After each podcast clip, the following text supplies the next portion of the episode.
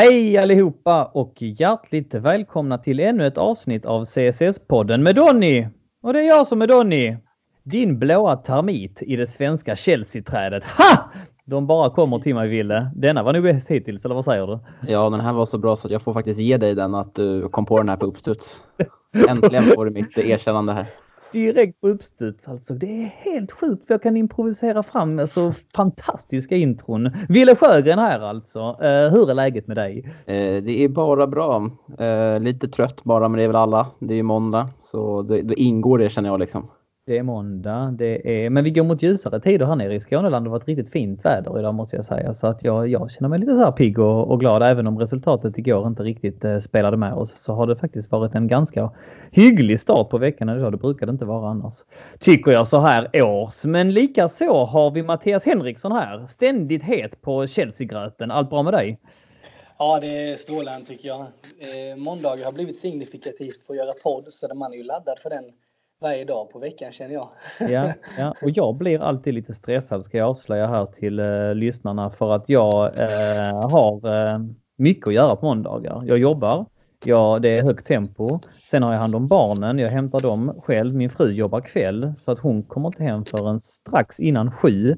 Eh, och sen har jag en timme att förbereda mig. Sen så brukar jag fuska lite grann emellan också. Men det har inte blivit så mycket av den varan just idag. Så att idag får jag gå rätt mycket på magkänsla. Ibland är det Vissa eh, gånger man hinner förbereda sig mer, då har jag satt fyra stycken A4-papper framför mig. Ibland är det mindre och idag är det definitivt mindre. Idag har jag knappt hunnit förbereda mig någonting alls. Men eh, det får gå som det går helt enkelt. Hellre det än att eh, liksom eh, låta eh, lyssnarna vara utan podd nu när vi har som sagt fått snurr på detta. Eh, det vore ju tråkigt, eller hur? Ja, Så kan vi det ska vi köra på. Ja, jag menar det. Eh, vi har en liten agenda idag också.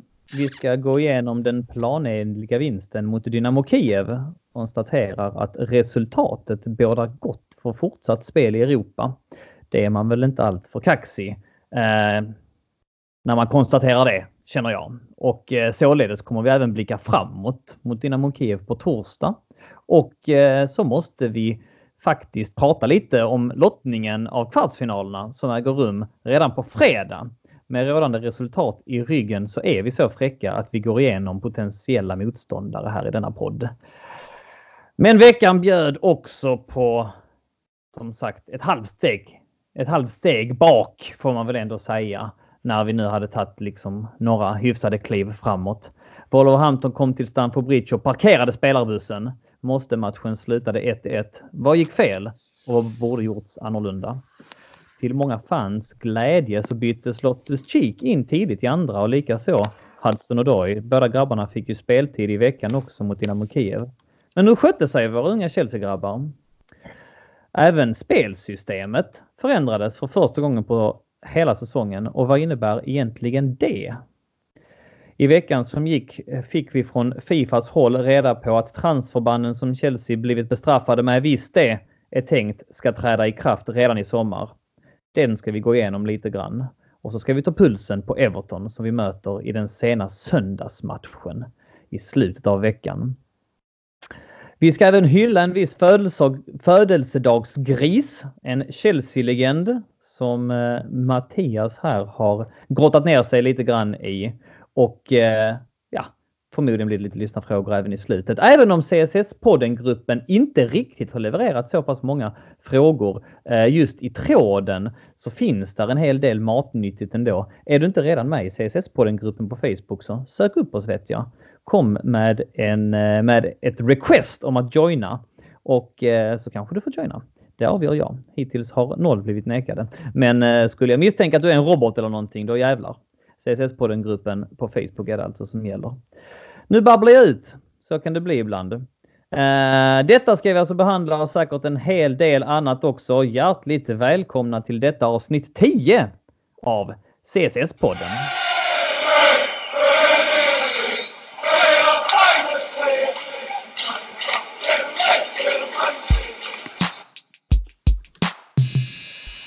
Bra boys! Torsdag uh, var det Europa League-match mot Dynamo Kiev. Vi eh, gick igenom den lite grann på förhand här förra måndagen. Tog pulsen, fick en, eh, ett riktigt djupdyk av dig Matte. Eh, och det gick väl planenligt får man väl ändå säga. 3-0, stort eh, övertag, kändes tryggt. En ganska stor rotation, rotation i truppen. Mest noterbart var väl att Giroud och Zappacosta startade matchen. Där i min mening Giroud imponerade men Zappacosta not so much. Eh, Ville, spontana tankar kring det? Nej, eh, det var ju en plan, som du säger, en planenlig seger och eh, styr matchen och Dynamo Kiev har ju ingenting att sätta emot. Nej. Sen tycker jag heller att, eh, jag, tycker, jag håller med dig att Giroud gör en riktigt fin match och eh, Zappacosta som inte hade spelat på, ja, jag hade inte startat på länge som helst, han hade lite inhopp där mot Manchester United. Det där mm. konstiga bytet Sarr gjorde. Jättekonstiga bytet. Ja. Och han såg ju, såg ju direkt inte särskilt vass ut mot Dynamo Kiev men eh, ja, han alltså, gjorde inte bort sig och var inte bra heller. Det är väl ett, ett godkänt betyg men det åkte mest positivt man som vet från det ändå att Aspilicueta fick lite välbehövlig vila som har mm. i princip spelat nästan alla matcher den här säsongen. Så att eh, det var i alla fall skönt att vi kunde, mm, att, eller att han kunde få vila lite och kunna lufta Sabacosta lite för att kanske dra, dra på sig lite intresse när vi ska sälja honom i sommar. Ja, du tror att det är den vägen han kommer gå i alla fall? Ser ja. ingen eh, direkt vidare liksom potential och, och någon nytta av att polera honom? Nej, inte som det ser ut just nu. Alltså det beror på som vi kommer snudda lite vid det senare kanske när vi ska diskutera transferband och, och så vidare mm. och gå igenom truppen hur den, hur den ser ut egentligen. Mm. Så, men eh, jag tror nästan att han, han kommer nog hänga löst oavsett. Mm. Matte? 3-0, planenligt. Ja, så det var ju lite det som vi sa på förra med. Jag sa att ett par, tre mål kommer vara skillnaden på Stanford och att inte matchen i Ukraina kommer vara någon...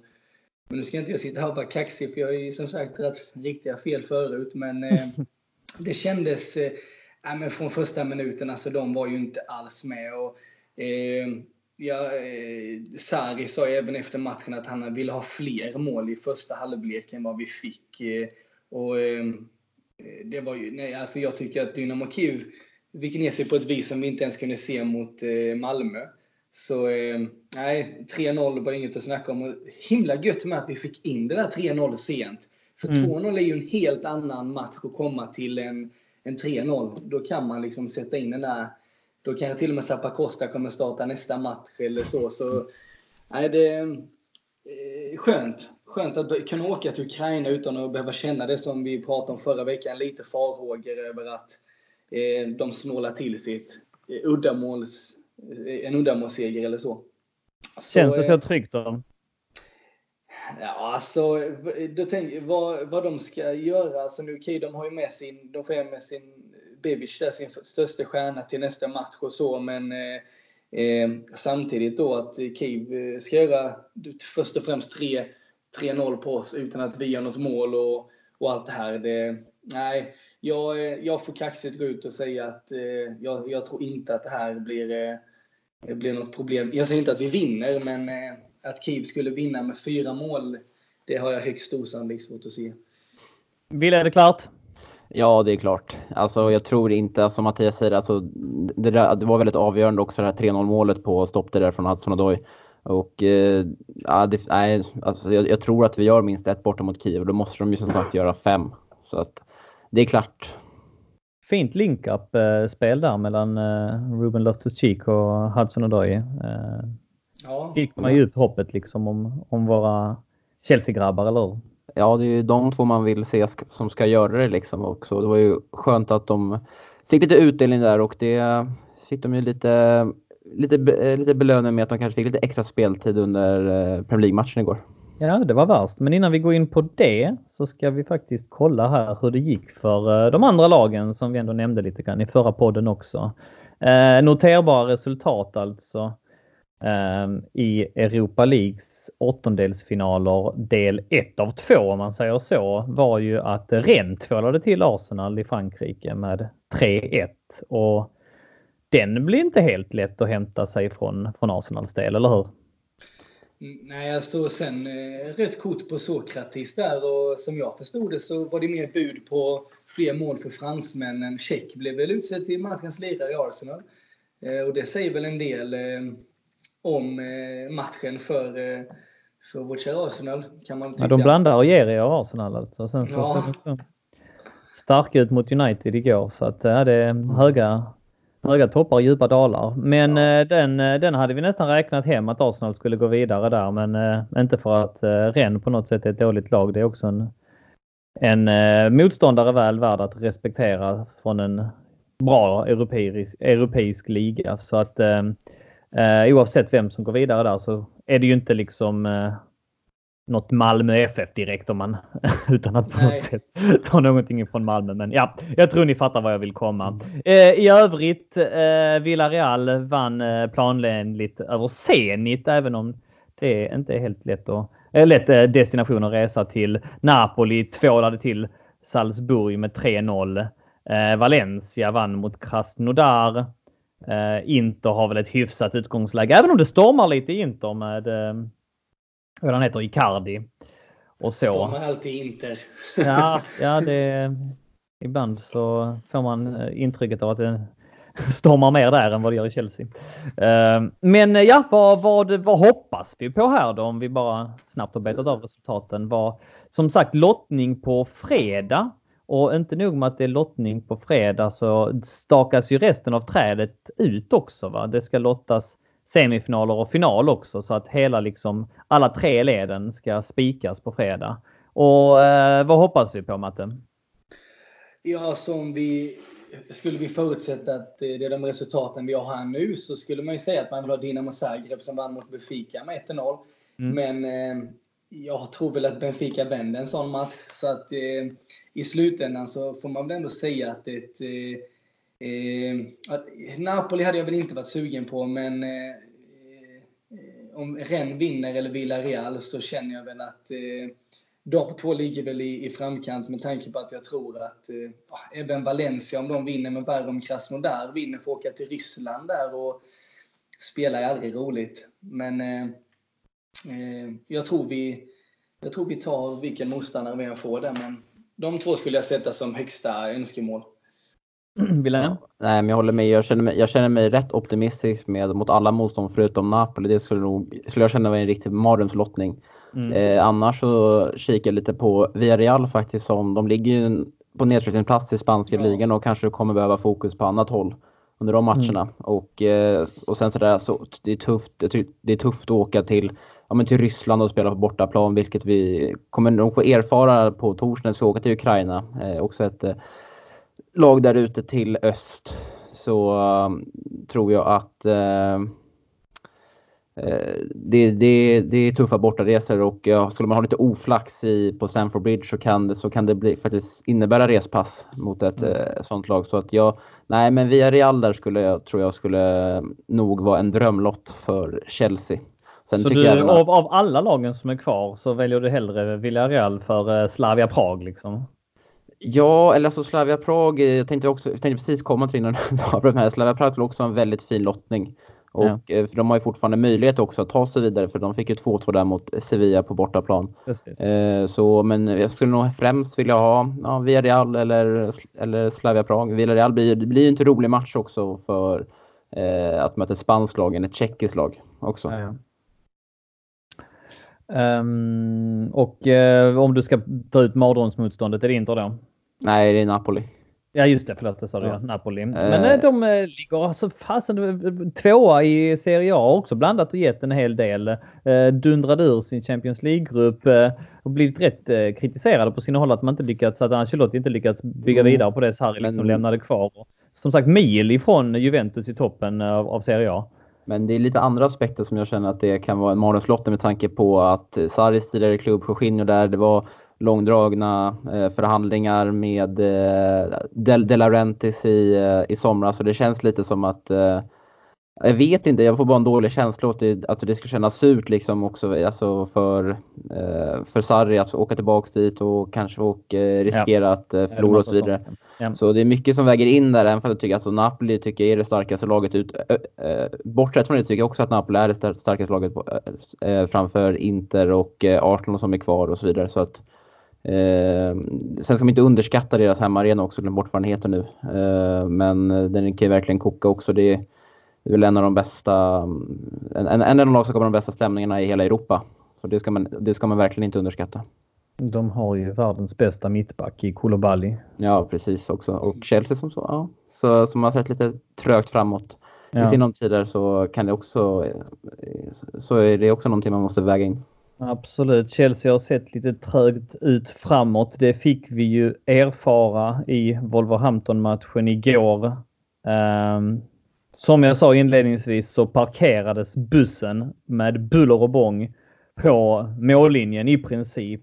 Eh, Wolverhampton pressade inte Chelsea förrän liksom den sista fjärdedelen, inte tredjedelen, utan den sista fjärdedelen. De sjönk oerhört djupt och det var en besviken Sarri som mötte pressen. Eh, han försökte ju. Det får vi väl ge honom. Det var ett starkt lag. Kanske något utropstecken kring att Emerson fick spela, men eh, i övrigt så var det väl ingenting man höjde på ögonbrynen direkt åt. Men eh, för dålig rörelse. Ehm, för dålig bollförflyttning. Och eh, andra grejer som Sarri var besviken på gjorde att han bytte in både Ruben Loftus-Cheek och Callum Hudson-Odoi ganska så tidigt. Likaså så såg vi en förändring i spelsystemet för första gången. Eh, Ville, jag får din analys av 1-1 mot Wolverhampton igår. Nej, men som vi förutspådde förra veckan så visste vi att, eh, att Wolverhampton skulle ställa upp på bred front, bred front och de låg ju väldigt lågt. Mm. Och eh, det känns ju väldigt surt. Alltså, satt och tänkte så här på, på matchen igår och så, och så fotboll liksom att Alltså, vi kan styra spelet en hel, en hel match men sen så får Wolverhampton en chans och mm. eh, sätter dit den. Och det, blir, det känns så otroligt surt. Alltså men, det är inte klokt alltså. Det, statistiken säger 22, för att folk säger efter matchen att Chelsea skapade för lite. 22 chanser eh, räknar man ändå fram, fram det till. 22 skott mot två skott i Wolverhamptons ja. fall. Sex skott på mål, ett skott på mål i Wolverhamptons fall. 76-24 i bollinnehav. Alltså vi har ju maxat oflyt fortfarande. Ja, 13-0 i hörnor också. Jag tänkte komma in på det liksom. Jag tycker att vi är helt... Eh, ja, alltså vi, jag tycker vi är alldeles för ineffektiva på, på hörnor. Där måste vi bli bättre. Jag minns, jag tror att det är två, två hörnmål, jag har inte exakt statistiken, men det är två hörnmål jag minns den här säsongen och det är mot eh, Manchester United på hemmaplan och mot Manchester City på hemmaplan. Annars så ni kanske säkert kan fylla i om ja, ni Nu sätter men... du lite krokben på dig själv i och med att Hazard gjorde mål på hörna nu. Och det får man ändå räkna. Ja, men, ja, jag, jag tänker mer som ett inläggsspel ja, generellt. Alltså sådär, liksom. Nej, men jag håller med dig. Det är för fan på många hörnor som inte liksom resulterar i någonting. Men det är också en liksom ett sånt, eh, är man i, i, i flytet stim så dimper bollen ner framför Gary Cahill som bara fotar in den mot Manchester ja. United. Alltså du vet, sådana mål. Vi har inte fått några sådana mål i år. Vi får kämpa så in i helvetes hårt för våra mål. Håller du inte med om det? Jo, jag håller med och jag, jag förstår inte, jag förstår inte riktigt varför, alltså, alltså vad, vad det är som vi gör som, som, blir för, som blir för svårt för oss själva på något sätt.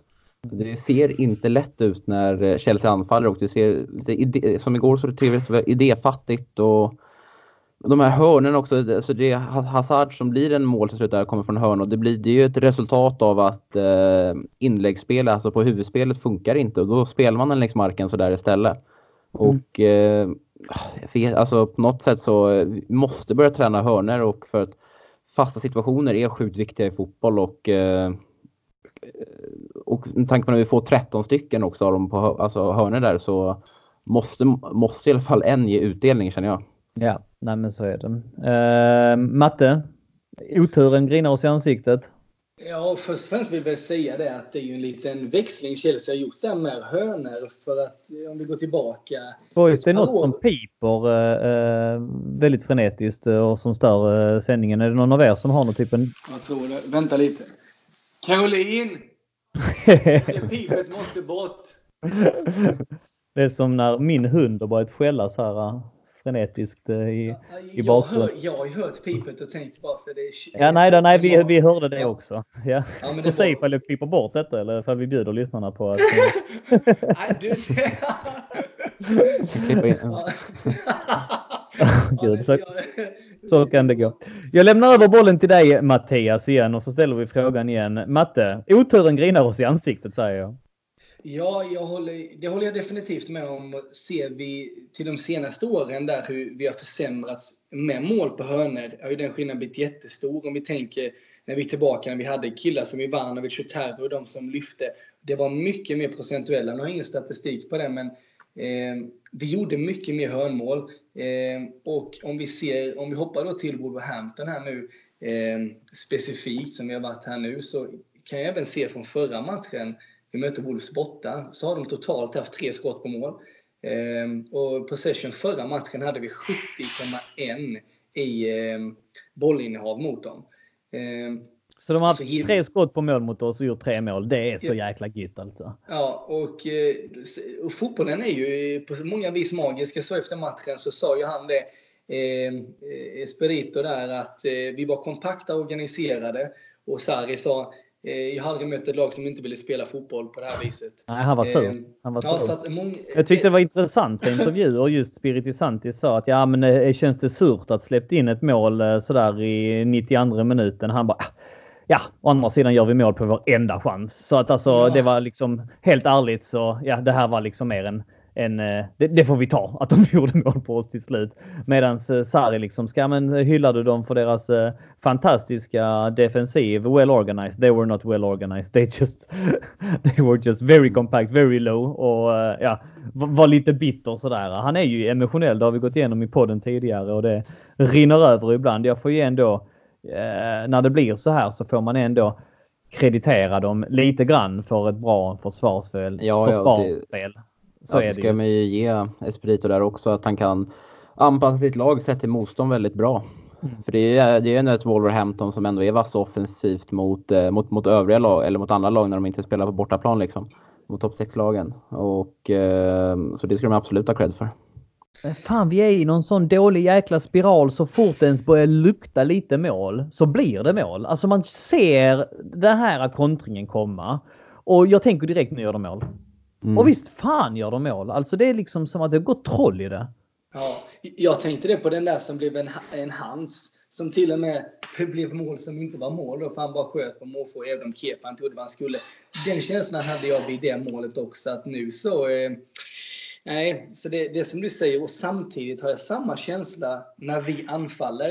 Eh, när, om vi, när vi släppte in 1-0 där så tänkte jag Åh fy fan, alltså nu, det här blir tungt alltså. För mm. då visste mm. man nu, nu, blir det, nu blir det en vägg här. Och vi känns ibland oförmögna. Och därför så såg man till och med att Sarri vågade ändra det han aldrig ändrar. Och då förstod man, nu, nu måste det hända någonting. Eh, och vi gjorde ju mycket mål. Eh, om ni minns den statistiken från början av säsongen så gjorde ju vi de första 15 matcherna hade vi gjort 9 mål fler. Sista kvarten än vad något annat lag hade gjort första 15 mm. matcherna där någonstans. Men sen har ju det helt och hållet eh, runnit oss ur sanden. Att vi inte alls i lika hög utsträckning får in de här bollarna i, i slutet som vi fick eh, i, mer i början av säsongen. Och det har jag ställt mig frågan till vad det kan bero på. Alltså. Ja, det har känts som att när vi har släppt in ett mål så har det varit väldigt svårt för oss att komma in i matchen igen. Alltså. Ja. Men, eh, Ja, nu ja, försökte kan... han åtminstone. Det, vad sa du Wille? Nej, jag tänkte bara inflika där. Alltså, kanske är att, att vi nu, alltså vi, alltså, vi ser väldigt trötta ut och inte, alltså säsongen har ju ändå varit rätt lång nu och vi kanske inte orkar hela vägen, alltså hela vägen in till slutsignal. Och ett resultat av att vi inte gör lika många mål nu i slutet av matcherna. Nej, så är det ju. Så är det ju. Det kan säkert spela in.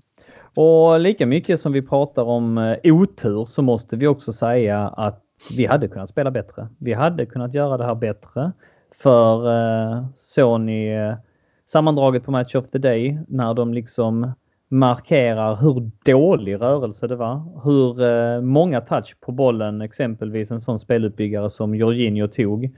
Nu igen så tar ju Sarri Jorginho om ryggen och säger att det berodde på rörelsen då, att man inte rörde sig tillräckligt där fram. Men det gjorde man inte. Och när man kom fram i offensivt läge så var det för mycket duttande och för mycket spel i sidled och för dålig rörelse. Sarri tog upp det och jag är faktiskt villig att hålla med. Hade vi liksom kunnat stretcha Wolverhampton lite grann med lite smarta löpningar in bakom eh, försvarslinjen, ut på kanterna. Hade spelarna orkat eller varit med på hugget. Hade de hållit sig till spelidén om att liksom släppa bollen snabbt så kanske det hade sett, eh, sett annorlunda ut. Enligt Sarri så är det enda medicinen när lag sjunker så lågt. Men det blir förbannat trögt. Det borde vi ha gjort bättre. Håller ni med? Ja, ja vi står och duttar mycket för bollen, alltså med bollen utanför straffområdet och eh, jag tycker vi måste ju sticka i, alltså mer fler instick in i straffområdet för Higuain är oftast där själv. Mm. Det är mm. liksom, jag tycker wingersna måste in mer och sen så den här tredje offensiva mittfältaren måste också in så vi i alla fall har en fyra man i boxen som rör om lite i grytan där inne för att i ärlighetens namn så kan ju inte Higo, alltså man kan inte ställa så höga krav på Higuain när han är själv där inne mot ja, men 3-4 Wolverhampton-spelare som han har runt om sig. Så att Nej, det kan man inte. Zon. Å andra sidan så står han still rätt ofta. Ja, han, tar han inte ja. löpningarna i rätt läge. Han, han eh, som sagt är liksom ensam. Ja, han är ensam inne i boxen mot tre stycken eh, försvarare. Och då är det klart man inte slår in bollen på honom. Men liksom rör rör dig lite grann. Gå och möt. Ta, alltså, jag tyckte att när man såg det framförallt på Match of the Day när de liksom eh, visade det ganska så kon konkret så eh, har jag mer att önska av Higuain faktiskt. Jag eh, tycker inte han riktigt... Jag, alltså, då tycker jag lika gärna man kan köra med Jiro. Han åtminstone kan man spela bollen på och han håller in den och, och eh, bygger upp rätt många väggspel och, och, och sådär. Va? Så att eh, undrar om inte det att jag lutar åt att man ja, han kommer nog få minuter här mot Dynamo Kiev men att man kanske kör mot honom, med honom mot Everton också. Vi får väl se. Nåväl, Matte får flytta bollen snabbare. Är det rätt melodi? Ja, definitivt. Och vi ska ju faktiskt tänka att det här inte det här var inte någonting som var tillkortakommande efter Olfs mål, utan det här var ju även innan. Det var ju en fruktansvärt seg eh, första halvlek utan något tugg. Mm, mm. Eh, och värre blev det ju när de gjorde sitt mål, men när man, eh, när man har läst efteråt så framstår det mycket som att eh, ursäkta, att eh, deras mål var, var avgörande för match, hela matchen. Mm. Eh, däremot, däremot så tycker jag ju att deras eh, eh, vårt sätt att spela var ju förvånande om vi tänker till hur vi har varit senaste tiden med mycket fart, mycket, eh, mycket, ändå mycket mer tryck från kanterna. Eh, och sen Kanté hade inte sin bästa dag riktigt heller nu senast. Eh, fast att han var helt okej. Okay. Eh, och det kan också ha spelat in att han vinner mycket boll.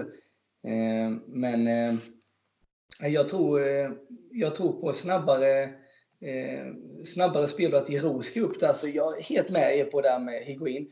För att jag tänker själv om jag, om jag är som striker där inne och har tre, fyra killar runt mig. Det är samma när vi väl kommer runt på kanten och får in bollen. Det är ju sällan Gonzalo är först på den bollen.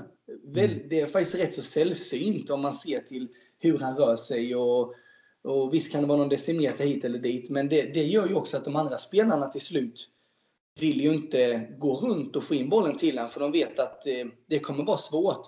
Eh, Gero är ju lite bättre på faktiskt han står ofta vid första stolpen. Han har en tendens till att lyckas pricka sig där och han är också bra på att lyckas ni vet, dra med sig de här frisparkarna som man får genom att han tar armarna, armarna bakom ryggen, sådär lite som han gör. Ehm, så jag tror eh, kanske värt att satsa lite på honom och eh, lite mer i alla fall nu det närmaste och, och se vad det kan eh, eh, vad det kan ge. För Higuain har ju inte riktigt, det ska vi ändå säga, inte riktigt fått den utväxlingen ännu som vi hoppas. Och, Nej, så är det. Det verkar, det verkar vara mer och mer som det börjar skrivas som det är medialt också. Så det är dags att göra någonting åt åt situationen med honom där känner jag. Eh. Mm. Vi får väl se. I övrigt så var det ju eh, till många fans eh, glädje att både Loftus Cheek och Hudson Odoi som ändå gjorde det bra mot Dynamo Kiev byttes in. Hur utvärderar vi dessa herrars impact på matchen? Börja med dig Wille. Jag tycker inte Hudson Odoi kommer verkligen inte in i matchen på ett bra sätt utan jag tycker att han, han ser lite valpig ut och valpig ut och får inte till det riktigt och slår faktiskt nästan bort, eller slår bort fler bollar än vad han eh, slår till rätt adress. Mm. Och, eh, men om man ska utläsa något positivt så är det ändå alltså att han verkar ändå vara full av självförtroende och i alla fall försöker. Mm. Och eh, man kan ju inte, alltså han ska ju, han ska ju värdera, alltså han, han ska utvärderas som en, eh, som en senior även, även fast han är väldigt ung så, eh, ja. Nej, så är det. En, Det och jag vet en, ju om att du är en stor Hudson Odoi förespråkare, men jag såg samma grej. Va? Jag vill ju också att det ska gå bra för grabbarna. Jag tyckte de gjorde det väldigt bra mot Dynamo Kiev. Men jag tycker eh, så mycket snack och så liksom många som har skrikit på att de måste få minuter. Här fick de, ja, inte en riktigt eh, en hel halvlek, men eh, tre fjärdedelars halvlek och eh, imponerade inte överhuvudtaget. Någon av faktiskt. Ja, Tyvärr. Loftus-Cheek håller ju, eller hans insats håller i alla fall lite högre än Hudson Odoi tycker Han hade några fina aktioner i matchen men han hade ju ingen slutprodukt riktigt i, i det han gjorde tyvärr. Och eh, så att nej, det var en väldigt eh, blek eftermiddag för våra talanger som vi hoppas så mycket på. Eh, men eh, liksom, det, det, ska ju komma också och, vi, och det, det, det, är många andra spelare under säsongen som också har stått för liknande insatser. Så att... Absolut, absolut, det säger vi inte. Men det hade bara varit så jävla roligt om de kom in. Ja, liksom, precis. Och, det hade varit guld. Och dominerade. Men ja, nej. Våra ärliga ögon säger att tyvärr inte så riktigt var fallet. Tyvärr, tyvärr. Men eh, ja, eller Matte, vad säger du? Något att lägga till där? Ja, man får väl ändå ge det att eh, det blir ett himla sus i publiken med båda de här killarna. Det får man ändå ge det att eh, det är ju vad publiken vill se, så därför hoppas vi att de kan stå för den utväxlingen. Och det är väl just det här med, med Hudson som man förstår också kanske varför Sarri inte spelar honom. Eh, mycket, han har ibland rätt så tråkigt kroppsspråk när han tycker att det inte funkar. Han pekar, gestikulerar lite. Det är samtidigt bra, men eh, eh, han, han, har, han har ju som sagt lite mer att och, eh, det finns lite mer att hämta ut från honom. Och, var, och han har ju som sagt fått rätt mycket tid i Europa League fast att det nu var jag tror han gick precis över 100 minuter nu i Premier League. Eh, så han har inte haft mycket i ligan att göra innan. Men eh, eh, Loftus, eh, Loftus hade ju spelat mycket mer om inte det hade varit att han blir skadad varenda gång som han, eh, som han är på gång han har all potential i världen alltså. Det nu är det också eh, folk som har debatterat och skrivit rätt mycket om honom på Chelsea-podden-gruppen här på Facebook. Och, eh, hur han ändå liksom är några år äldre än Callum Hudson och då peppar honom, tycker Mattias Byman här att han, att han, att han gör. Han beskriver honom som klok. Eh, hade han varit skadefri så har vi en blivande storspelare och kapten i Ruben Loftus-Cheek medan Mattias Byman. Men problemet är att han är ju inte skadefri. Han ska, tydligen har ju ni kämpat med det här ryggproblemet hela förbenade säsongen. Det var ju samma sak mot Crystal Palace, eller när han var i Crystal Palace förra året också. Så han är småskadad mest hela tiden och det är jäkligt synd alltså. För potentialen finns där. Men en spelare som inte kan hålla sig skadefri kommer aldrig riktigt nå den absoluta toppen. Så är det. Ja, det är lite trixigt. Det är samma där i VM nu. Där han började för England de första matcherna där ju. Innan han mer och mer åsidosattes. Och sen spelade han ju inte mycket i slutet. Så att eh, vad det beror på om det är skador eller det, eller om det är det där sista vi fortfarande väntar på med Ruben. Det är ju en fråga som eh, är svår att svara på. Men eh, när han väl har sina bra stunder så är det ju inte många som kan forcera fram på det viset han gör. Eh, med boll och kan vinna frisparkar högt upp på plan. Och, eh, då, då är det ju riktigt kul att se honom och han skapar ju en en stor härlig dynamik i publiken eh, i och med att han, att han bara existerar mer eller mindre. Mm. Eh, ja, Ja, vi får väl se. Mm. Sista ordet inte sagt om Ruben Loftus-Cheek, eh, inte om Callum Hudson-Odoi heller. Vi önskar dem gott givetvis. Men eh, även eh, noterbart från eh, Chelsea Wolverhampton var ju att man bytte spelsystem sista tiden och fick upp ett tryck på grund av, av det bytet. Man gick över alltså till 4-2-3-1. Och eh, här har jag också fått en fråga som har ställts till mig direkt på, på Messenger eh, att det vore intressant att se Kanté och Jorginho eh, i det här liksom 4-2-3 tillsammans. Um, Magnus Gustafsson som har skrivit det. Och då hade man liksom kunnat ge plats åt Ruben Loftus-Cheek och ja, lite mer offensiva mittfältare där lite längre fram. Det hade ju varit intressant och jag tyckte att det här spelsystemet ändå gjorde så att man det rörde om lite grann i grytan och vi fick efter det så fick vi lite chanser med eh, ja, Pedros skott utifrån. Jag tror i och för sig Higuains det här som balanserar på mållinjen var, var precis innan vi, vi, vi, bytte. Men vi fick ändå upp liksom laget lite grann. Och, um, William hade ju en chans. och um, ja, Hazard tryckte dit bollen till slut. Det hade varit kul att se om man har det i arsenalen. Men då slätade ju Sarri såklart över det hela på, på presskonferensen efteråt och typ menade att nej, det här är nog ingenting vi kommer fortsätta med. It wasn't down to the, to the change och sådär. Uh, ja, kommentar om det Willem? Nej, men först och främst tycker jag det är kul ändå att eh, Sarri vågar prova någonting nytt. För vi har konstaterat väldigt mycket här att det är bara att åka byten hela tiden. Så mm. man blev ju lite glad när han äntligen gjorde en förändring och jag tycker att eh, han ska fortsätta med det. Men jag tror också det var lite i affekt av att jag tror ändå han kände sig väldigt självsäker där när med, med, tanke, på, med tanke på hur Wolverhampton spelar, med tanke på att hon låg så lågt. Mm. Och han kände nog inte att det fanns inte så stor risk för, eh, alltså för omställningar, framförallt inte när man har en 1-0 ledning och vi går in i sista kvarten. Så då, jag tror att det måste, det måste ju ske, med tanke på hans uttalande på presskonferensen konferensen efter, mm. så, så tror jag också på att vi kommer nog endast få se det här bytet igen i liknande scenarier. Ja. scenarier. Ja, men det får vi väl hoppas på. Och så, någonting får man ge honom också. Jag håller med dig där att han har varit väldigt envis med sin filosofi, med sin eh, med sina raka byten och så vidare. Men det har ju faktiskt förändrats de sista de sista, den sista månaden egentligen vad vi såg som sagt en förändring i, i pressspelet mot Tottenham vilket bar frukt. Ja, redan mot Manchester City såg vi det i, i ligacupfinalen och där gjorde vi ändå en, en bra insats.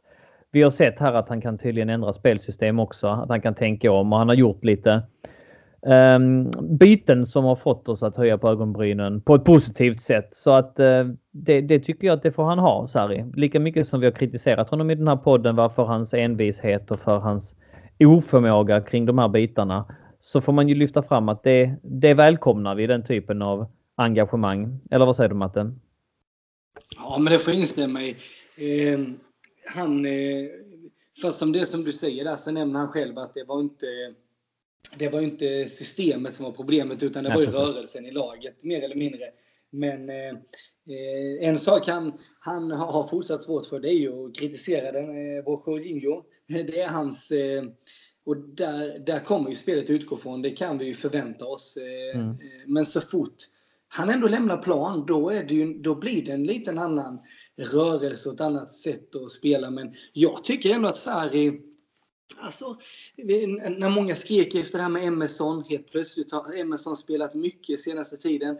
När det har varit vissa lyft som har gjorts så har jag ändå eh, det har inte varit att vi har haft värdelösa killar på plan som man har varit med om genom åren. Så där, varför spelar den killen? Utan där, det tycker jag ändå att han ser. Och sen så har vi andra önskemål eh, på vissa spelare, sig Kanté, hans position och det. Men Sarri jag tycker definitivt inte att han är eh, eh, han är, han är så inrotad i sin spelidé att det blir lurigt för honom att göra en förändring. Det är därför han gör de här raka bytena. Ehm, på både gott och ont får vi väl säga, men samtidigt nu om han har visat senaste tiden att det här kan vara eh, jag kan ändra detta. Han spelade i Hazard som falsk nia ett tag när det inte fungerade med anfallet runt omkring också. Så han, visst har han ändå visat tendenser att han ser det vi ser. Eh, men då kräver det att resultaten går, går med eh, mm. honom också. Och i slutändan får man ändå säga att ett 1-1 i slutet är ju fan som är bättre än ett 0-1 och det kan leva vidare på den här sviten för det poängterade han ju. Ingen förlust mm. på sex matcher här nu. Mm. Så eh, visst ja, fasiken var det gött. Jag stod på Larrys och hoppade uppåt. Jag var förvånad över min reaktion över 1-1 mot Wolverhampton. Så ibland så kan eh, förväntningar Eh, eh, höga förväntningar och eh, eller höga förhoppningar och låga förväntningar vara den rätta metoden kanske. Ja, men särskilt att göra mål i slutet styrker ju alltid ja. laget. Så att kan vi nu liksom vinna mot Dynamo Kiev och vinner vi mot Everton på söndag så är det ju ändå liksom en, ett hyfsat utgångsläge vi har gett oss här till att knipa en Champions League-plats innan vi går in i uppehållet så att säga. Att vi ändå har det utgångsläget innan, innan uppehållet. Ja. Eh, Ville, något att tillägga just i den, kring den diskussionen? Ja, så alltså det är ju extra surt att vi ändå inte lyckas ta de här tre poängen ja. med tanke på att Tottenham eh, förlorade mot 15 på lördagen och eh, Arsenal United matchen spelades ju efter våran så där visste man att det skulle bli poängtapp för något av lagen så att eh, då kändes det, alltså just känslan då efter match, visst skönt att vi fick ett 1-1 med oss men när vi är mål på övertid men det var ändå en liten bitter känsla när vi ändå hade sånt, när den här omgången ändå bäddade upp för en eh, att vi verkligen kunde, ja, inte dra ifrån mig, att vi verkligen kunde etablera oss där uppe bland, eh, på en plats eh, 3 till 4 liksom. En missad chans som, eh, som Sarri sa. Men med det så lämnar vi den matchen helt enkelt och går vidare i programmet. En annan lite negativ, lite negativ, ganska mycket negativ grej som hände var ju att vi fick för det första höra att Chelsea hade lämnat in sin överklagan om eh, transferbannen. Man eh, håller inte med om att man har eh, begått regelbrott och man eh, lämnade in sin överklagan till Fifas eh, kommitté för överklagningar som tydligen är ledd av Thomas Bodström. Där dök han upp. Sjukaste. Woho. Ja. Ehm, och det är klart han ska spela eh, smart och, och, och viktig. Men ehm, det som hände var ju alltså att man lämnade in överklagan. Ehm, och eh, man säger att man, man önskar i den här i, det här, i de här handlingarna så har man också uttryckt ett önskemål om att få bannen uppskjuten ett fönster, alltså att det ska vara fryst. Man ändå ska få agera eh, på spelarmarknaden i ett fönster. Som de andra lagen som har fått liknande bannar har fått. Va? Det är ju sunt, sunt att eh, anta att det liksom ligger som prejudikat eller vad man ska säga, att vägledande domar, att det är ungefär så det ska, det ska fungera. Um, men Fifa, oavsett vad som har skrivits felaktigt måste jag säga i bland annat Expressen som, som, som uh, går ut med beskedet stoppas helt från att varva, att, Chelsea, att, att man har avslagit då Chelseas begäran och att man redan har liksom förkastat överklagandet. Så är det alltså inte. Om jag, om den informationen som jag tagit del av stämmer, utan det man har förkastat det är att banden ska frysas under tiden man behandlar överklagan. Är ni med mig? Ja, absolut. Så att eh, det har man gått ut på ett tidigt stadie här från Fifa. Man har sagt att eh, vi har mottagit överklagan, men vår linje är att Chelsea inte kommer att få värva spelare under tiden detta utreds. Bara så att ni vet det. Det är det som gäller från vår sida. Och det svarade Chelsea på. De skrev att de var helt astonished över det här beslutet då och som sagt hänvisade till eh, liknande situationer, framförallt då i Spanien där man har fått ett fönster liksom på sig innan bannen har blivit cementerad så att säga. Ehm, från Fifas håll säger man att man inte jämför med andra fall och att det inte ska gå att värva så länge överklagan som sagt behandlas men man indikerar också att man nu har tydligare rutiner för att behandla sådana här fall och att ett utfall av överklagan inte lär dröja utan man, man kommer liksom behandla detta och det, det kommer komma ett beslut eh, inom sinom tid. Um, och det är lite där vi står just nu alltså. Eh, sen har jag försökt rota i detta och vad vad innebär det? Det jag vet är att Fifa förmodligen kommer avslå överklagan.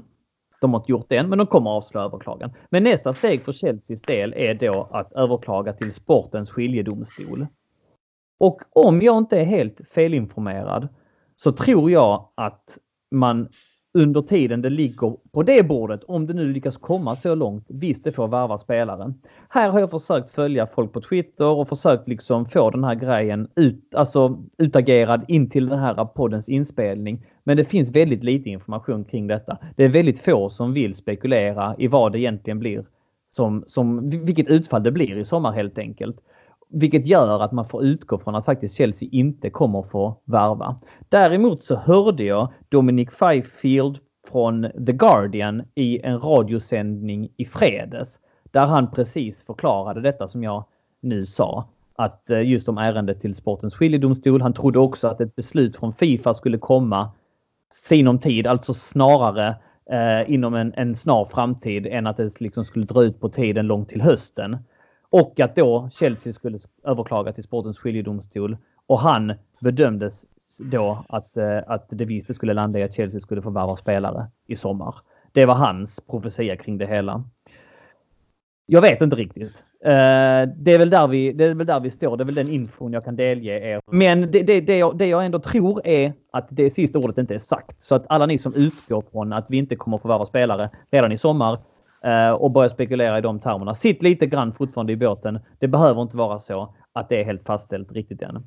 Har ni någonting att tillägga här grabbar? Är det någonting ni eh, delar ni den här eh, skildringen? Ja, absolut. Jag har faktiskt ingenting att tillägga utan att jag vill fylla i där att det är, det är väldigt knäpptyst kring det här och sen när det här beslutet kom att, eh, från Fifa att Chelseas överklagan inte gick igenom att det, att det är fastställt för sommar och Chelsea överklagade det så har det varit, har det varit knäpptyst bland eh, ja, men framförallt Chelsea-korrespondenter på då Twitter mm. som jag följer så att det verkar ju som att eh, det inte är någon som vet någonting egentligen om hur det kommer se ut i sommar. Nej, det är bara spekulationer. Precis.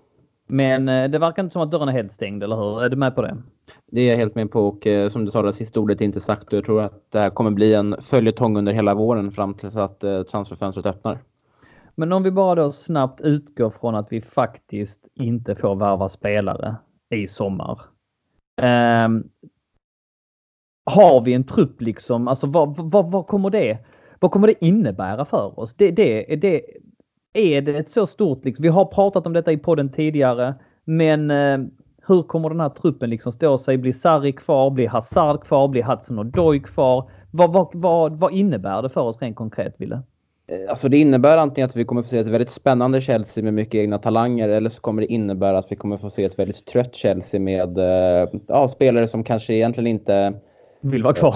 Som inte vill vara kvar och ja. spelare som, som, som, vi, som vi måste ha kvar Eh, för att eh, kunna klara det här. Ja. Eh, det är ju på liksom hur, om Sarri är kvar, nu kommer en ny tränare och vem det är, alltså hur, det, hur tränaren som kommer träna Chelsea nästa säsong, hur den ser på saken. Mm. Men jag tror jag är väldigt orolig över nu till exempel att, vi kan ju nämna kort att för ett par timmar sedan så tog Zidane över Real Madrid och det känns ju då som att Hazard är då ytterligare ett steg närmare Real Madrid med tanke på att eh, de är ju, eller Zidane har flörtat lite med Hazard i media och Hazard har flörtat lite med Real Madrid. Men eh, ja. Svårt Nej, det var riktigt dåliga nyheter alltså. Att ja. det, vi hade hoppats på Mourinho där, på ja, Conte där. Va? Men eh, helt plötsligt så vänds den, eh, ja allting känns mer hopplöst nu när det blev just Zidane som gick tillbaks där. Alltså den hade ja. såg jag inte riktigt komma. Ja, med tanke på att med Real säsong nu så, så måste ju de göra drastiska förändringar och kommer ju satsa i sommar så att Hazard kommer vi nog få, tror jag nog att vi kanske kan få säga adjö till oavsett, oavsett hur det kommer gå. Mm. Eh, men eh, Nej, det sagt så Griezmann var ju på väg mer eller mindre klar för Manchester United. Atletico Madrid fick värvningsförbud han valde att stanna. Det är många som spekulerade i att Hazard skulle göra samma sak just för att han inte vill liksom lägga Chelsea i den situationen, sätta Chelsea i den tråkiga sitsen som det innebär att om han skulle sticka och att ingen liksom kan, kan ersätta honom på Nej, genom ett köp liksom. Nej men precis, alltså det, som sagt det återstår att se men alltså, jag tror alltså känslan är ändå att Ja, det känns, det känns så deppigt att sitta och prata om det. Men, ja, jag vet, jag vet. Alltså, jag håller med dig om känslan. Det, det här det, med Real Madrid har ju varit liksom återkommande i flera års tid och han talar öppet om det efter VM i somras. Kontraktet rinner snart ut och ja, som du säger, det enda är väl då att han inte vill sätta Chelsea i en, eh, i en sån sits och då ska han ju ha all heder med tanke på att han inte på att han ändå ger upp en, en dröm han har för att uh, rädda en klubb han har hjärta för. Så Ja, Återigen, den som lever får se, men det finns anledning att vara hoppfull även om ett sånt scenario skulle utspelas. Även om nu Zidane är i Real Madrid. Men eh, förbannat tråkiga nyheter för oss Chelsea-supportrar att, eh, att det just blev han som kom tillbaks där så att säga. Mm. Eh, Matte, något att tillägga där? Ja, alltså det, det tycker jag ändå att eh, eh om, om stämmer att det blir det här eh, transferbannen då, så tror jag definitivt att Sarri stannar. För jag tänker så, eh, det finns inte många topptränare i världen som skulle komma till en klubb som sitter på en transferban. Eh, och eh, med tanke på att det är en klubb som vill prestera som vi gör eh, varje år egentligen. Eh, och jag, som Ville säger så tror jag att det är två vägar vi får satsa på att gå lite om om det tickar in då. Men jag tror definitivt att eh, Sarri blir kvar och eh, Hazard tror jag, precis som ni, de har ju kort där också. Han är god vän med honom. Att han, att han kliver ifrån. För jag menar, ska Hazard lämna, om man ska se det ur hans perspektiv, så är, så är det väl dags snart. Alltså, han, jag menar, han tickar på ändå i ålder, om han nu vill, vill ja. lämna menar jag, och, och, vill verkligen bli stor i ett annat land. Och Real har inte Ronaldo, det har man minst sagt kunnat se har varit en stor skillnad. Troligen lika stor skillnad kommer det nog vara om Hazard lämnar oss, för han är ju på många vis oersättlig då. Mm. Men eh, jag tycker ändå att Chelsea var lite smarta i hela den här grejen. Eh,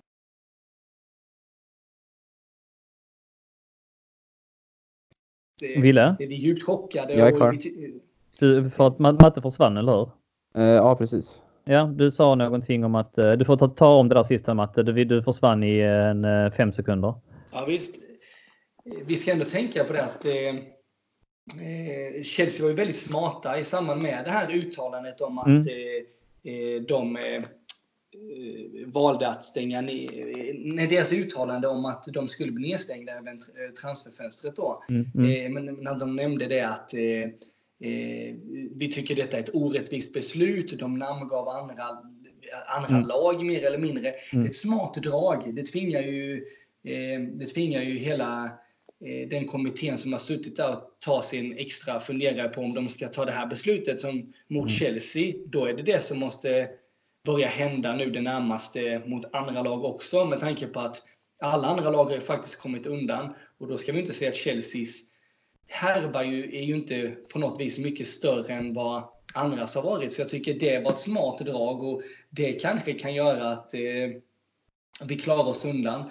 Men samtidigt är det ju inte första gången vi hamnar i lite sådana här luriga grejer med transfer. Det har ju varit Kakuta tidigare i, i en veva och kanske får man överlag i föreningen börja se över lite hur man tänker. Många killar, när varvar man dem? För att jag menar nu, ja, sen, inte, även om det har varit av olika anledningar, det är jag medveten om, så får man kanske ändå börja tänka lite hur vi har ju uh, Bruce Buck i, i, uh, i styrelsen och Jaha. han är ju uh, väldigt slipad jurist. Så att vi kan väl summera det innan vi blir alltför långrandiga just på den här punkten. Vi, vi är fortfarande hoppfulla. Så kan man väl säga. Vi, vi får se. Det kommer mer information och vi fortsätter hålla er uppdaterade i CSS-podden. Vi läser på så gott vi kan och försöker vara den förlängda liksom eh, Chelsea-armen här i Chelsea Sverige. Så att eh, håll koll här, håll koll på svenska fans så försöker vi utkristallisera vad som, vad som komma skall när mer info ges. Men det är väl nog om det just nu. Så kan man väl säga. Bra boys, vi ska även ta pulsen på Everton. Vi möter Everton på söndag. En livsviktig måste, måste, måste match. Ett Everton som vi trodde skulle ta nästa steg den här säsongen. Men riktigt så har det inte blivit. Um, Matte här, kastar jag över bollen till dig. Ja, eh, tack. Och vi ser här definitivt som du säger kan vi börja med att inleda att säga att Everton ligger på en elfte placering.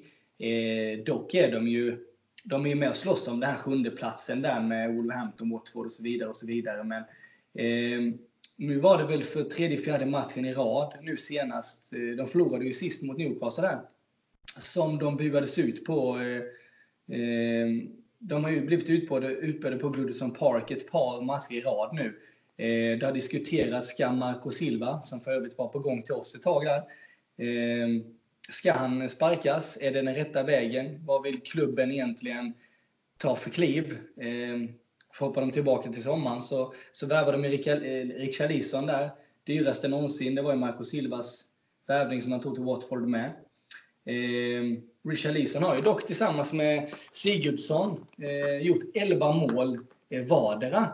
Och då ska vi ändå poängtera det att Everton har gjort alltså 41 mål. Så de här två grabbarna har gjort 22 mål.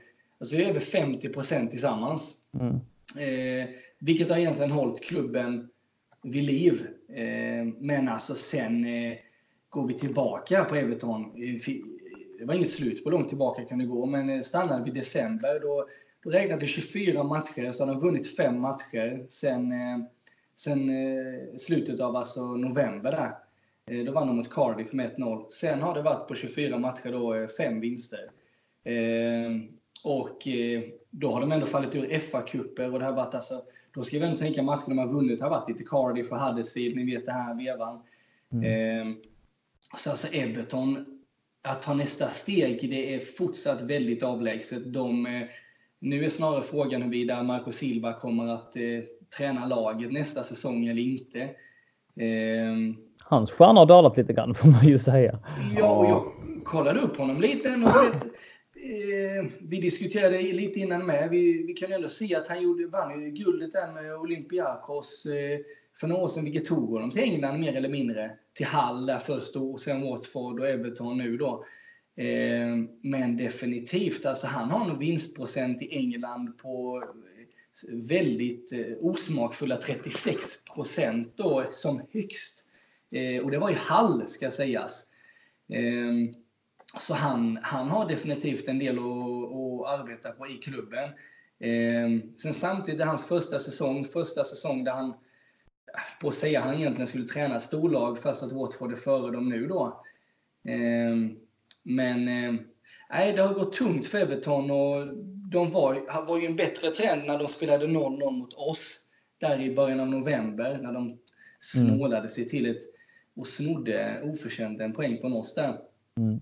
Eh, det är ju väldigt jämnt i de eh, med poängen där liksom eh, kring, kring mittenstrecket. Förlorar man två, tre matcher kan man åka ner på en 16, 17 plats. Vinner man två, tre matcher så kan man gå upp på en sjunde plats mer eller mindre. Men Everton i nuläget alltså på en elfte plats på 37 poäng på 30 spelade matcher. 10 vinster, 7 oavgjorda, 13 förluster kan vi flika in.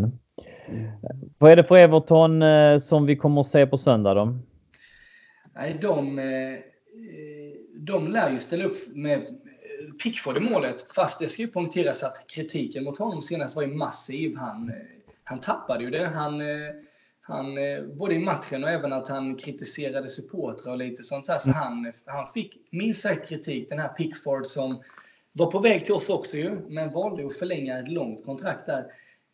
I övrigt så har de ju Michael Keane där bak och Kenny Eh, Kurt Soma brukar ju lira, men kommer inte lira nu på eh, mot oss då, där han är utlånad. Men Kurt Soma är väl en av de som har fått mest beröm va? För, ja, eh, för sin han har säsong. Varit, eh, han har varit eh, suverän faktiskt. Eh, och då, skrev, då har trots 42 mål bakåt då. Han har inte spelat allt heller. Han har ju fortfarande lite sådär ibland skadad, men han har fått beröm eh, i ett lag som då eh, man kan väl säga att det är han och så är det ändå ja, emellanåt eh, Richard Leeson där som har gjort det. Alltså annars så, eh, så är det inte många som, mycket som har höjts på ögonbrynen i laget. Och de har ju ändå killar, jag menar Walcott och André Gomes och eh, vad är det, han, Göje eh, i, mm. i, mitten där som de har. Ja, ja. Mm. Och sen eh, Sigthorsson som är lite snäppet framför där, en liten sån här offensiv eh, mittfältsroll. Eh, och, eh, Calvit Lewin eh, längst fram, jag vet inte riktigt heller. Han har hög högsta nivå alltså, men eh, frågan är om han ja. verkligen, han har ju inte riktigt kunnat axla Lukakus mantel om man säger så. Nej, och alltså det, det, det, är väl det som har varit problemet. Men som sagt, då har de ändå två killar som ändå, de har ändå skolat in han, eh, brassen där, Richarlison, som en, lite som en anfallare får man ändå säga, fast att han mer har en Hazard och Willian-roll i grund och botten kan man väl säga, nästan nästan mitt-mitt. Mm. Eh, men som sagt, 22 mål tillsammans med islänningen där har ju varit... Eh, eh, de har ju ändå en kille som Schneiderlin i laget, men han är på bänken mm. för det mm. mesta. Och, nej, de är, de, det känns som att Everton ändå har varit inne i lite sådär generationsväxling, men att de borde kunna... Alltså jag tänkte lite om Baines och så vidare och så vidare under några år här, men de får inte riktigt till det här det sa vi också eh, innan Bille, de satsar men det händer ju ingenting i. Eh, i klubben. Nej precis, alltså det är enligt mig Premier Leagues märkligaste lag. Alltså det, mm. De har varit desperata efter den, alltså att komma ikapp de här topp 6-lagen med så här unika tränarbyten efter att David Moyes lämnade för United med, tänker då på Roberto Martinez först där och sen eh, Ronald Koeman och sen Uh, och nu uh, Marco Allardyce Silva. en sväng också. Ja, Allardyce var ju interim förra året när, mm, mm. Uh, vem var nu som fick sparken? Det var väl De Boer då eller? Det var som fick kicken där, kanske missade de ändå. Nej men de, de kastar ju pengar runt omkring sig på spelare. Varenda sommar känns det som. Och de värvar ju Richarlison för dyra pengar. Sigurdsson och varenda spelare har de ju värvat svindyrt men de får aldrig riktigt till det. Fick så, Kane också eh, efter många om och men. Ja, så, ja, så jag, men det är liksom man vet på, alltså på pappret så har de ju ett väldigt bra lag så att har de en, så har de på en, en fin dag så kan de ju göra det riktigt bra mot Chelsea men i deras nuvarande form och eh, hur taffra de har sett ut på senaste tiden så, så borde det liksom vara en, en seger för Chelsea utan problem. Så kan de skärpa sig och sjunka lågt och grisa sig till som de gjorde mot oss och de gjorde mot Liverpool nu för två matcher sedan också. Um, så de har ju det liksom i, i verktygslådan med, även om uh, de har stått för några riktiga brott. De fick väl en ordentlig känga mot City också va? Eller uh, var det mot, vänta det måste jag kolla upp. Nej, det var mot Tottenham. De förlorade ja, 6-2. Ja, ja, precis. Ja, ja. Så uh, är vi hoppfulla? Nej, nej, nej, men alltså, jag vet inte. Alltså, jag, jag, jag, får alltid en dålig magkänsla. Att det är så här, två lag som jag alltid har en dålig känsla för. Det är alltid Everton och West Ham jag har alltid dålig känsla mot. Mm. Det känns som att eh, vi brukar ha det tufft mot de lagen, men jag, man minns ändå att vi har ju, vi har ju också vunnit med, eh, var det 6-2 eller 6-3 borta mot Everton där när...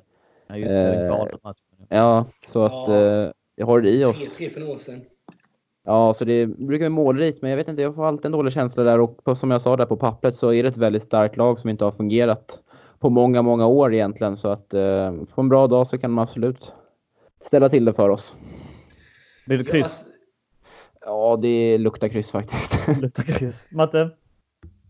Jag tror på seger. Alltså de, eh, samtidigt, trots eh, Willes magkänsla, så är det ju ändå vi som har, som har en definitivt mycket bättre trend mot Everton, alltså hur långt tillbaka vi än kollar. Så jag, jag visste att vi, det har tråkat sig till eh, två senaste matcherna 0-0, men nej, alltså jag tror att eh, jag hoppas på en liten holmgång. Det här det var det för några år sedan, när både 5-0 och 6-3 och 3-3 och sådana här matcher. Men eh, då att kanske vi vinner med 7-8-0 Det hade ju varit roligare när vi släppte in 3 till exempel.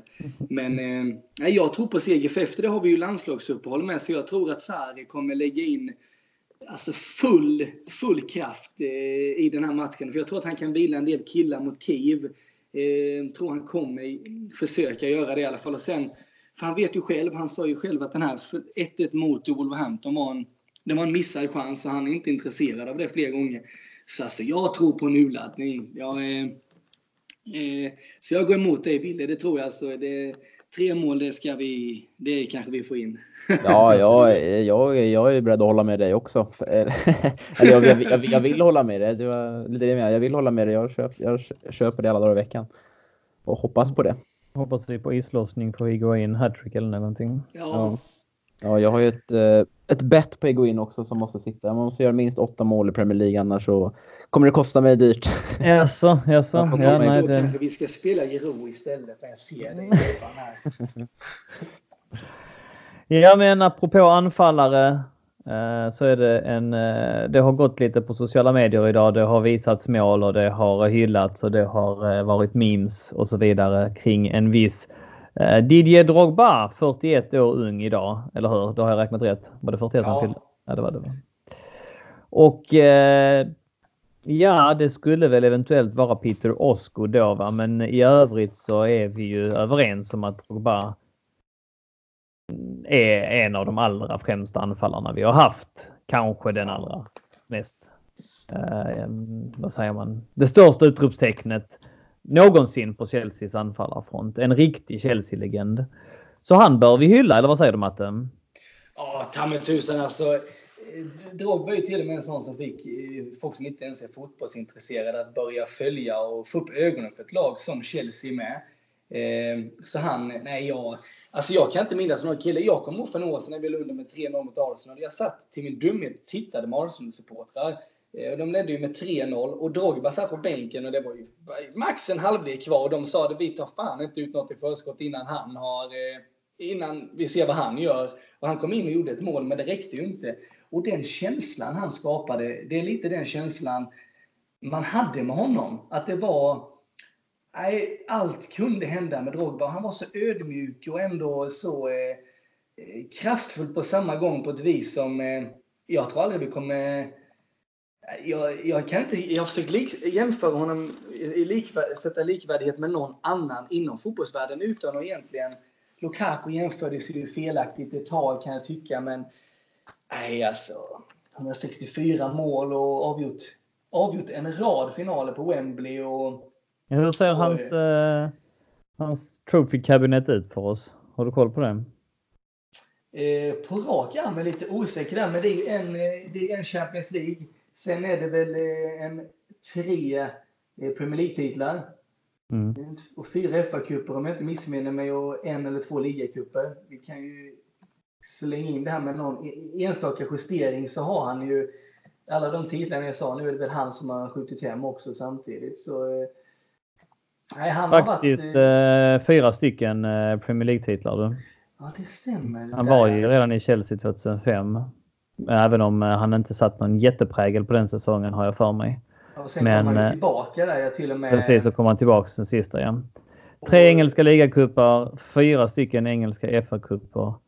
Uh, ja, det är häftigt. Det är ja. en Champions League. Det är också framförallt att han uh, i slutet av karriären kunde tagga till så in i helvete inför finaler eller inför stora matcher. Han var en känslospelare, en känslomänniska. Det märkte man också. Han, ibland kunde han uttrycka sig lite dumt och eh, han levde ju sig in i matcher och, och, ibland var det på gott givetvis också som vi minns hans stirrande ögon in mot kameran när eh, Överbröd dömde bort oss. Mot, It's a disgrace!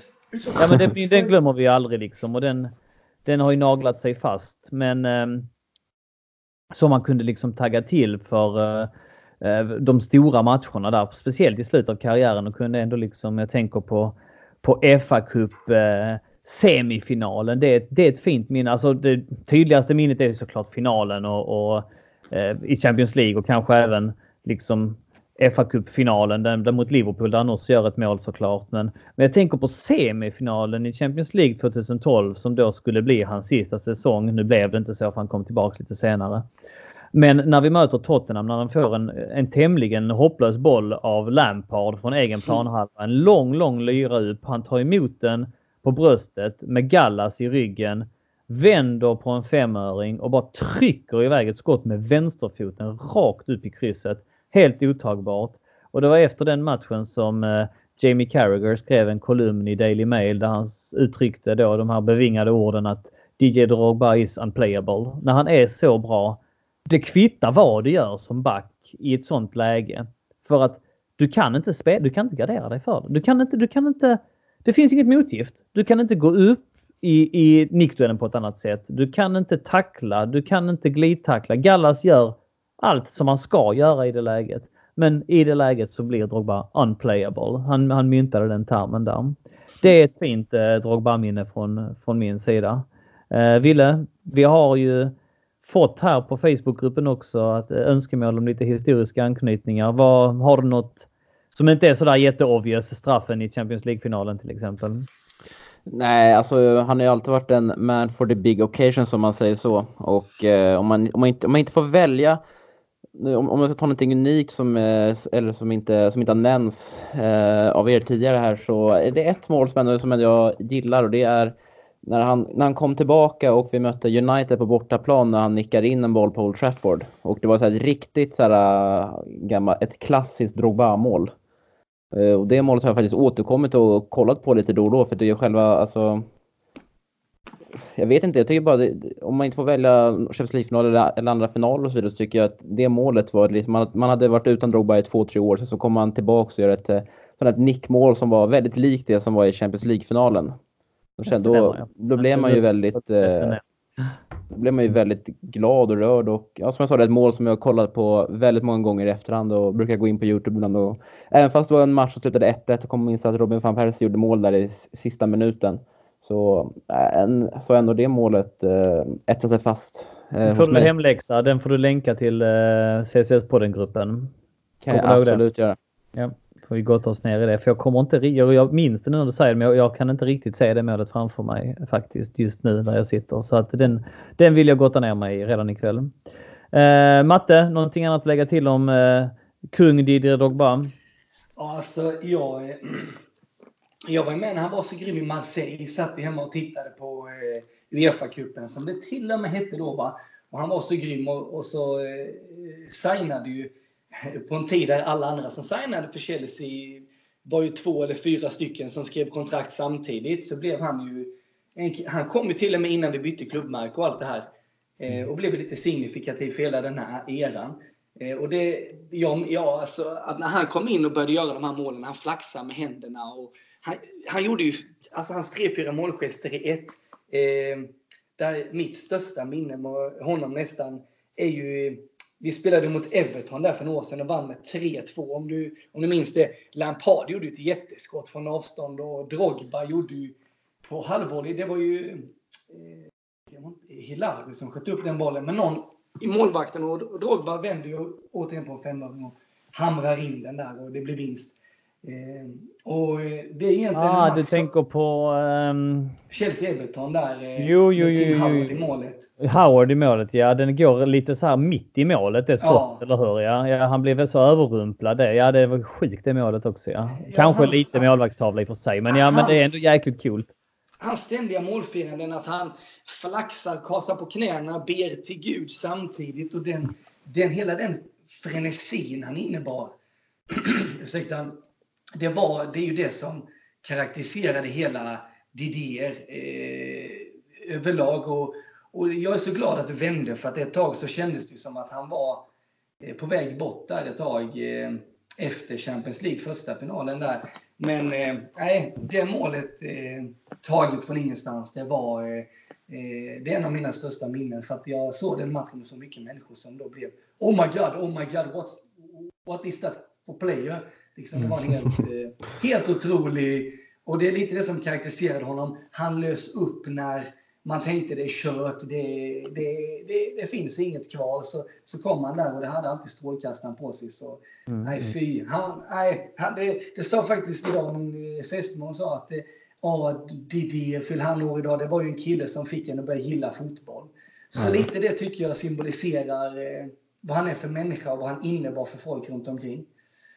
Absolut, och det, de fina orden får rappa ihop vår hyllning till Drogba. Passa också på att nämna att eh, igår så fyllde ju vår klubb år också. 114 år blev vi igår. Och det är jäklar vad tiden går fort. Jag kommer ihåg när vi firade 100-årsjubileum. Det är fan 14 år sedan. Ja. Fy mm. fan.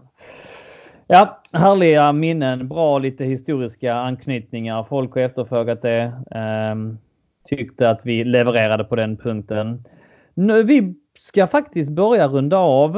Eh, återigen har det varit eh, ett givande avsnitt, måste vi ju nämna. Och vi tycker att vi har eh, bidragit med värde inom våra diverse fält. Och så går vi in här som sagt, inte riktigt samma engagemang just i tråden kring, kring vilka frågor vi ska ta här. Och jag har, eh, vi, har, vi har eh, adresserat vissa redan såklart. Eh, förbudet, Eh, vi, vi, vi, vi, har Sariboy lyssnat på eh, kritiken, eh, undrar Kim Wahlman. Det har vi också snackat om. Bytena senast gick väl exakt som många fans ville ha det.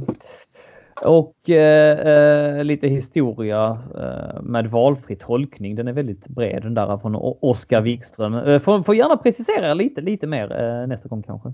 Daniel Sundqvist skriver här, känns som att vi får mindre straffar än resten av topp 6-lagen. Vore intressant med en sammanställning på det. Tycker att vi borde haft en, minst en igår by the way. Det stämmer ju, det borde vi haft. Det var ju en solklar straff och i synnerhet när vi har sett de tramsiga varstraffarna som gavs liksom mm. i, ut på, på, på rea till Manchester United framförallt. Även Roma-straffen tycker jag är billig, men, men Manchester United-straffen den om det var straff så skulle vi haft två straffar på, på den förseelsen igår. Um, men uh, har någon kollat upp detta? Känns som att vi får mindre straffar än resten av topp 6-lagen. Får vi det? Du brukar kolla på eh, statistiken. Nej, vi får, det är det enda laget som sticker ifrån i straffar som har fått mest straffar i hela ligan. Det är faktiskt Manchester United som har fått 10 stycken. Och sen av övriga topp 6-lagen så är det faktiskt Chelsea och Liverpool som kommer där med eh, fem straffar vardera. Och sen ligger Arsenal, City och Tottenham på fyra. Så att vi får mindre straffar än övriga topp 6-lagen stämmer väl delvis om man kollar på Manchester United, men eh, till de andra fyra lagen så uh, ligger vi jämbördigt. Och du har kollat på ligan nu va? Ja, precis i, i Premier League. Premier League ja. Eh, och vi har full utdelning på de fem va? Ja, fem av fem som du sa där i början, eller som du nämnde innan inspelningen att eh, Jorginho en och Hazard fyra. Jorginho en, Hazard fyra. Mm. Gestimmt. Eh, någonting annat här som vi bör nämna innan vi eh, stänger av för idag?